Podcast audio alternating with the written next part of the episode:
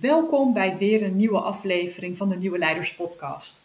Op het moment dat ik dit opneem is het zomer en dat is altijd een mooie periode om terug te kijken en te reflecteren op hoe je de dingen hebt gedaan en hoe je ze anders wilt. En in combinatie met een crisis waar we net nu in het staartje zitten of misschien zelfs nog wel middenin zitten, geeft dat enorm veel momentum om te kijken waar wil je de dingen anders doen. Ik hoop dat ik je met deze podcast daar de nodige inspiratie voor kan geven.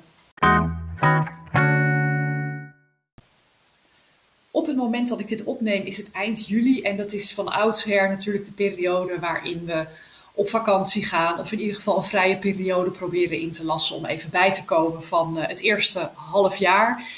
En uh, dat is ook vaak een periode die heel erg geschikt is om even naar binnen te keren, om te kijken hoe je erbij zit, um, om, om te reflecteren. En wat dat nog in een, een ander licht zet, is de crisis waar we natuurlijk net uitkomen, of eigenlijk nog in zitten. En, en de onzekerheid die nog boven ons hoofd hangt: van ja, gaan we weer een hele nieuwe episode van, van de pandemie in, of lijken we het onder controle te houden? Maar dat is niet per se uh, het enige soort crisis dat aanzet tot uh, dit soort gedachten. Hè. Eigenlijk heb je altijd in een mensenleven wel periodes die heel erg aanzetten tot uh, reflecteren, terugkijken en evalueren van wat zijn nou de dingen die goed gaan en wat zijn de dingen die ik anders wil. Je kan bijvoorbeeld ook denken als jij net uit een grote levensovergang komt of je zit daar middenin. Hè, uh, je bent net uh, vader of moeder geworden. Je bent misschien een vader of moeder verloren. Je bent net gaan samenwonen of je hebt een relatie verbroken. Dat zijn van die grote levensovergangen die ook heel erg aanzetten tot reflectie. Maar je kan ook denken aan net je baan kwijtgeraakt zijn of net een nieuwe baan hebben of misschien net een nieuwe opdracht gaan accepteren. Er zijn altijd periodes in een mensenleven waarin hele grote verschuivingen optreden. En um, Vaak is dat de periode dat we gaan nadenken. Op het moment dat de vaste structuren en routines wegvallen, lijkt er een soort ruimte te ontstaan om te gaan reflecteren. En uh, daarom is dit ook bij uitstek een hele mooie tijd om daar uh, wat aandacht aan te besteden. En wat ik zelf een hele helpende gedachte vind in deze periode en, en, bij welke crisis dan ook, is om niet te gaan denken: wat kan ik allemaal niet meer doen door wat er nu gebeurt? maar door te denken, wat kan deze periode voor mij betekenen? En dat is niet een poging om een soort valse betekenis te geven aan tegenslag, hè? begrijp me niet verkeerd, maar het is vooral een, een denkoefening in het zoeken van welke lessen heb ik hier te leren? Wat is de waarde die er voor mij in zit? Wat zijn de dingen die ik wil vasthouden uit wat ik op dit moment ervaar? En die vorm van introspectie, ik denk dat we daar de komende eh, periode heel veel meer naartoe gaan. Wat je nu al ziet gebeuren is uh, uh, dat we op, op, ja, zeg maar metaniveau, dat we in een, in periode zitten waarin we van, van rationaal, uh, ja, rationaliteit gaan schuiven naar meer het, het vrouwelijke principe. Hè? Dus het mannelijk principe, rationaliteit, meten is weten, uh, dingen zoveel mogelijk voorspelbaar maken, doelen formuleren, um, proberen dingen in structuren te, te gieten, merk je dat de onzekerheid die er op dit moment hangt en de, de, de veranderingen waar we in zitten, nodigen veel meer uit naar ruimte geven aan het vrouwelijk principe. Dus meer gaan reflecteren, voelen wat er nodig is. Het is als het ware een soort shift in waar het zwaartepunt op ligt. En dat heeft niks met mannen of vrouwen te maken. Dat heeft eigenlijk te maken met een soort bewustzijn waarmee we samenwerken, waarmee we ons leven organiseren of waarmee we onze hele samenleving organiseren. En um, de periode waar we uitkomen, heb ik het echt over nou, minimaal decennia. Daar lag natuurlijk de nadruk best wel op um, een, een, een, soms vals gevoel van voorspelbaarheid en veiligheid creëren. Hè? We probeerden een soort uh, gestuurde omgeving te creëren, een soort biotoop waarin we wisten van nou we gaan deze kant op, dit zijn de doelen die we gaan halen en als we dat in hapklare brokken opknippen, dan zijn dit de stappen die we moeten nemen om dat ook daadwerkelijk te behalen. En daarmee negeer je als het ware uh, het feit dat de wereld doordraait, dat er actualiteiten zijn, dat er dingen gebeuren, dat er voortschrijdend inzicht is of dat er dingen shiften in het bewustzijn van mensen. En als we iets geleerd hebben in de afgelopen maanden, dan is het dat er dingen kunnen gebeuren waar we geen rekening mee hebben gehouden. We kunnen nog zo goed onze risico's in kaart hebben gebracht, zodat zodra het ook echt een issue wordt, we daar tegenmaatregelen voor hebben bedacht. Maar dit had vrijwel niemand op de plank liggen. Een scenario voor een pandemie, dat is iets wat wij niet hadden. En zo uh, zijn er natuurlijk nog heel veel andere mogelijkheden uh, die wij niet van tevoren in kaart hebben gebracht.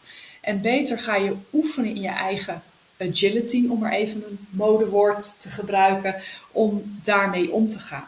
Dus dat is een andere vorm van bewustzijn waar we op dit moment in aan het groeien zijn.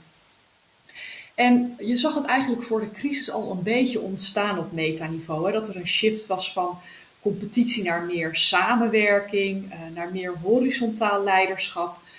En door die stroomversnelling waar je in een crisis inkomt, kun je andere keuzes gaan maken.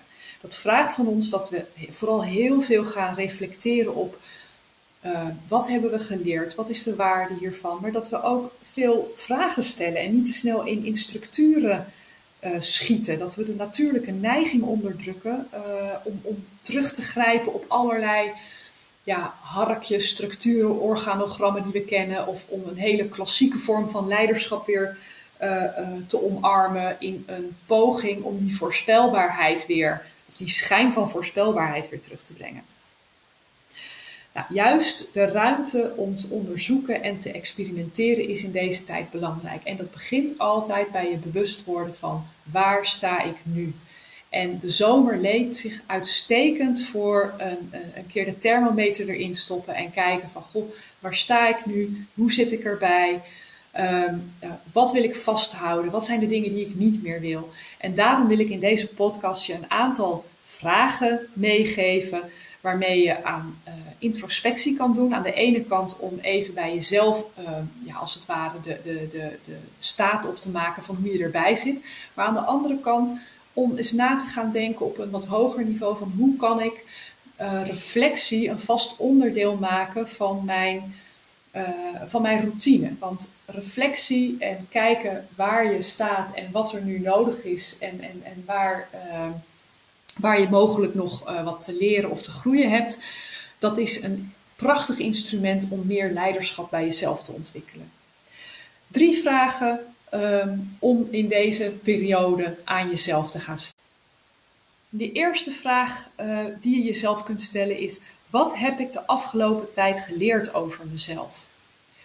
Als je gewoon je ding doet en uh, je vaste routines en je vaste uh, structuren aanhoudt, dan laat het vaak weinig tijd over om even na te gaan van goh, wat heb ik nu over mezelf geleerd. En toch is dat een hele boeiende vraag om jezelf te stellen, zeker in een periode dat er heel veel onzekerheid is of is geweest. En je kan bijvoorbeeld tot de conclusie komen van, nou, ik heb over mezelf ontdekt dat ik heel veel flexibeler ben dan ik van mezelf had gedacht. Hè? Dat ik heel snel kon schakelen naar een nieuwe situatie. En uh, dat me dat eigenlijk niet noemenswaardig veel uh, stress gaf. Maar het kan voor hetzelfde geld betekenen dat je juist tot de conclusie komt dat onzekerheid je heel ongemakkelijk maakt en zorgt voor slapeloze nachten en voor heel veel stress. En dat jij jezelf bijvoorbeeld een grote dienst zou kunnen bewijzen door veel meer in scenario's te gaan denken. Hè? Door te kijken van wat zijn nou manieren om voor mezelf binnen die onzekerheid toch een soort van structuren aan te brengen. Daar is geen goed en geen fout in. Het is vooral het vraagstuk van wat uh, viel mij op aan mijn eigen reactie. Uh, je kan ontdekt hebben dat je bijvoorbeeld heel goed kan luisteren naar anderen. Hè? Dat je heel snel uh, begon met mensen weer opzoeken, maar dan nu virtueel om te horen hoe ze erbij zaten en te kijken wat zij op dit moment nodig hadden. Dus dat je heel erg goed bent in een team bij elkaar halen of, of kijken van hoe kan ik een vorm van dienend leiderschap houden, maar dan in een virtuele omgeving. Misschien heb je ontdekt dat je juist jezelf terugtrok en dat je uh, tijd en ruimte en stilte nodig had om ja, productief te zijn.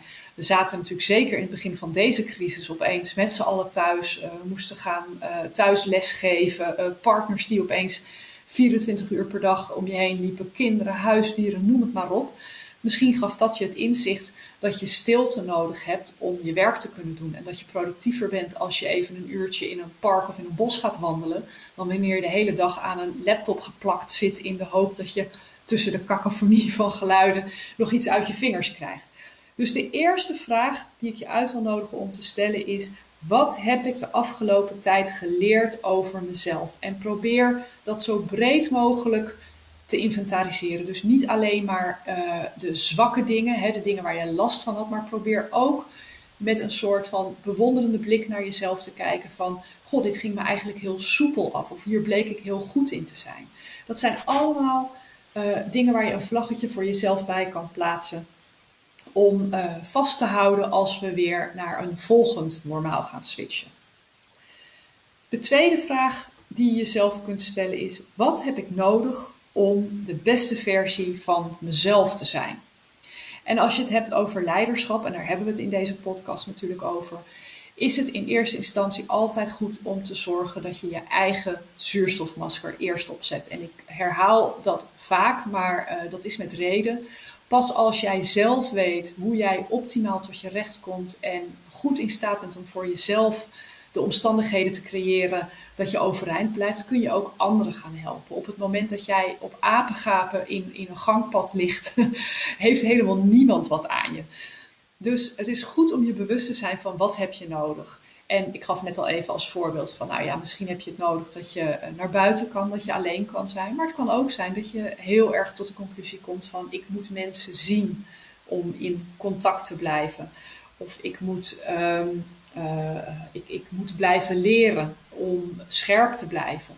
Of misschien wel hele andere dingen, dat je daarachter komt van, ik wil een heel andere, ik heb, ik heb een heel ander productiviteitsritme.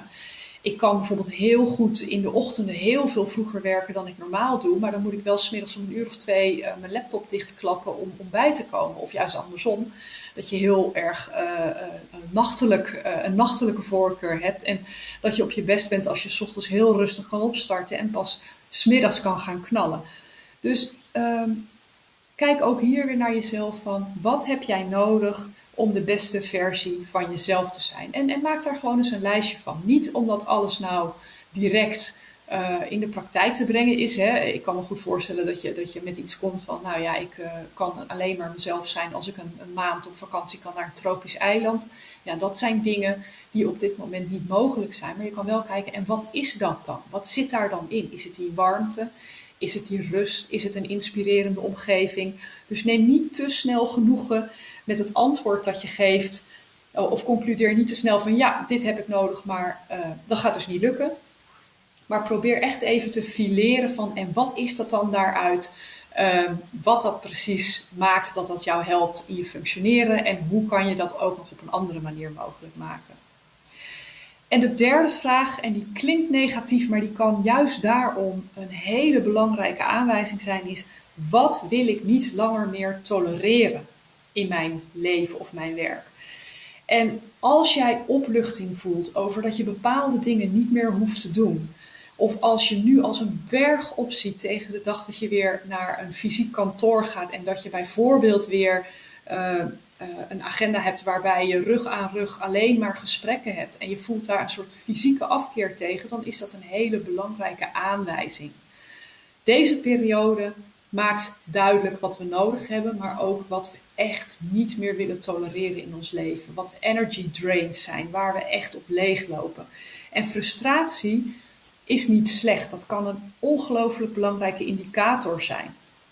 Uh, als ik even naar mezelf kijk, uh, waar, waar ik echt heel veel moeite mee heb, is als ik meer dan vier overleggen heb op een dag. Vier overleggen, en of dat nou via Zoom is of, uh, of in, in de praktijk gewoon tegenover elkaar. Uh, vergaderen is voor mij nou, alleen maar effectief als het kort en to the point is. Het is voor mij niet hetzelfde als connecten met iemand. Dan heb ik een gesprek, dan heb ik een dialoog, dan zitten we één op één. Dat, dat kan ook met koffie, dat kan ook met een wandeling. Maar een vergadering is echt om een vooraf um, opgesteld lijstje met acties met elkaar door te nemen. Of om iets, over iets te brainstormen of wat dan ook. Maar het is voor mij niet een manier om met elkaar in contact te blijven. Want daarvoor is een vergadering te zakelijk, te te staccato. En uh, daar, daar loop ik eerlijk gezegd op leeg. Er zijn mensen die er heel anders over denken. Maar op het moment dat je die informatie hebt voor jezelf, heb je ook het vermogen om daar iets in te veranderen. Dan kan je bij een vergaderverzoek ook de, uh, de, de, wedervraag stellen van, goh, wat is het doel van deze vergadering? Hè? Wat willen we hier voor elkaar krijgen? En als blijkt dat dat er nog niet is, dan kan je een tegenvoorstel doen van, goh, zullen we anders het overleg inkorten of zullen we wachten tot we genoeg punten hebben om echt bij elkaar te gaan zitten of virtueel bij elkaar te gaan zitten. Een omgekeerde hiervan, en voor sommige mensen is die makkelijker als reflectievraag, is de vraag waar verlang je naar? Waar verlang je naar? En dat kan uh, uh, een hele hoop dingen losmaken in de zin van ik, ik verlang ernaar om weer echt fysiek tegenover iemand te zitten om weer echt contact te maken. En dat kan op dit moment niet. Verlangen kan ook zijn. Ik verlang ontzettend naar vrijheid. Want uh, op papier zijn we best vrij geweest doordat we onze eigen dagen konden indelen. En nou ja, desnoods vanuit je bed kon, uh, kon werken op sommige momenten. Maar dat voelt toch niet hetzelfde als, uh, weet ik veel, de wereld over reizen en onder een parasol zitten werken. Waar verlang je naar? Waar gaat je hart van zingen? Nogmaals, ook hier, uh, kijk weer even van, en wat is dat dan precies? Want als het een verlangen is naar iets wat op dit moment niet mogelijk is, probeer dat eens te fileren in wat zit daar nou precies onder en echt de onderste steen boven te krijgen. Nou, ik hoop dat deze vragen je helpen om in de zomervakantie eens bij jezelf naar binnen te keren. Dat kan je doen door te journalen, hè, door te schrijven. Je kan er ook gewoon lekker over mijmeren terwijl je op je strandstoel stoel of in je hangmat uh, uh, in de tuin ligt, bewijzen van. Dat is uh, net hoe je daar zelf bij zit. Maar het geeft je wel een aantal inzichten over hoe je straks terugkomt op je werk in je volgende normaal. En wat de crisis ook is waar je net uitkomt. Hè, nu is het dan de pandemie, maar als je dit op een veel later moment luistert, is het wellicht een heel ander soort grote verschuiving waar je in zit of waar je net uitkomt. Weet dat die periode je ook waardevolle inzichten kan geven en dat je daar je voordeel mee kan doen. Nou, ik hoop dat je hiermee uit de voeten uh, kan. Uh, ik wens je heel veel plezier in de komende periode met ook het ja, nieuwsgierig zijn naar jezelf, op een nieuwsgierige manier dit te gaan onderzoeken. En uh, ik spreek je graag weer bij de volgende podcast.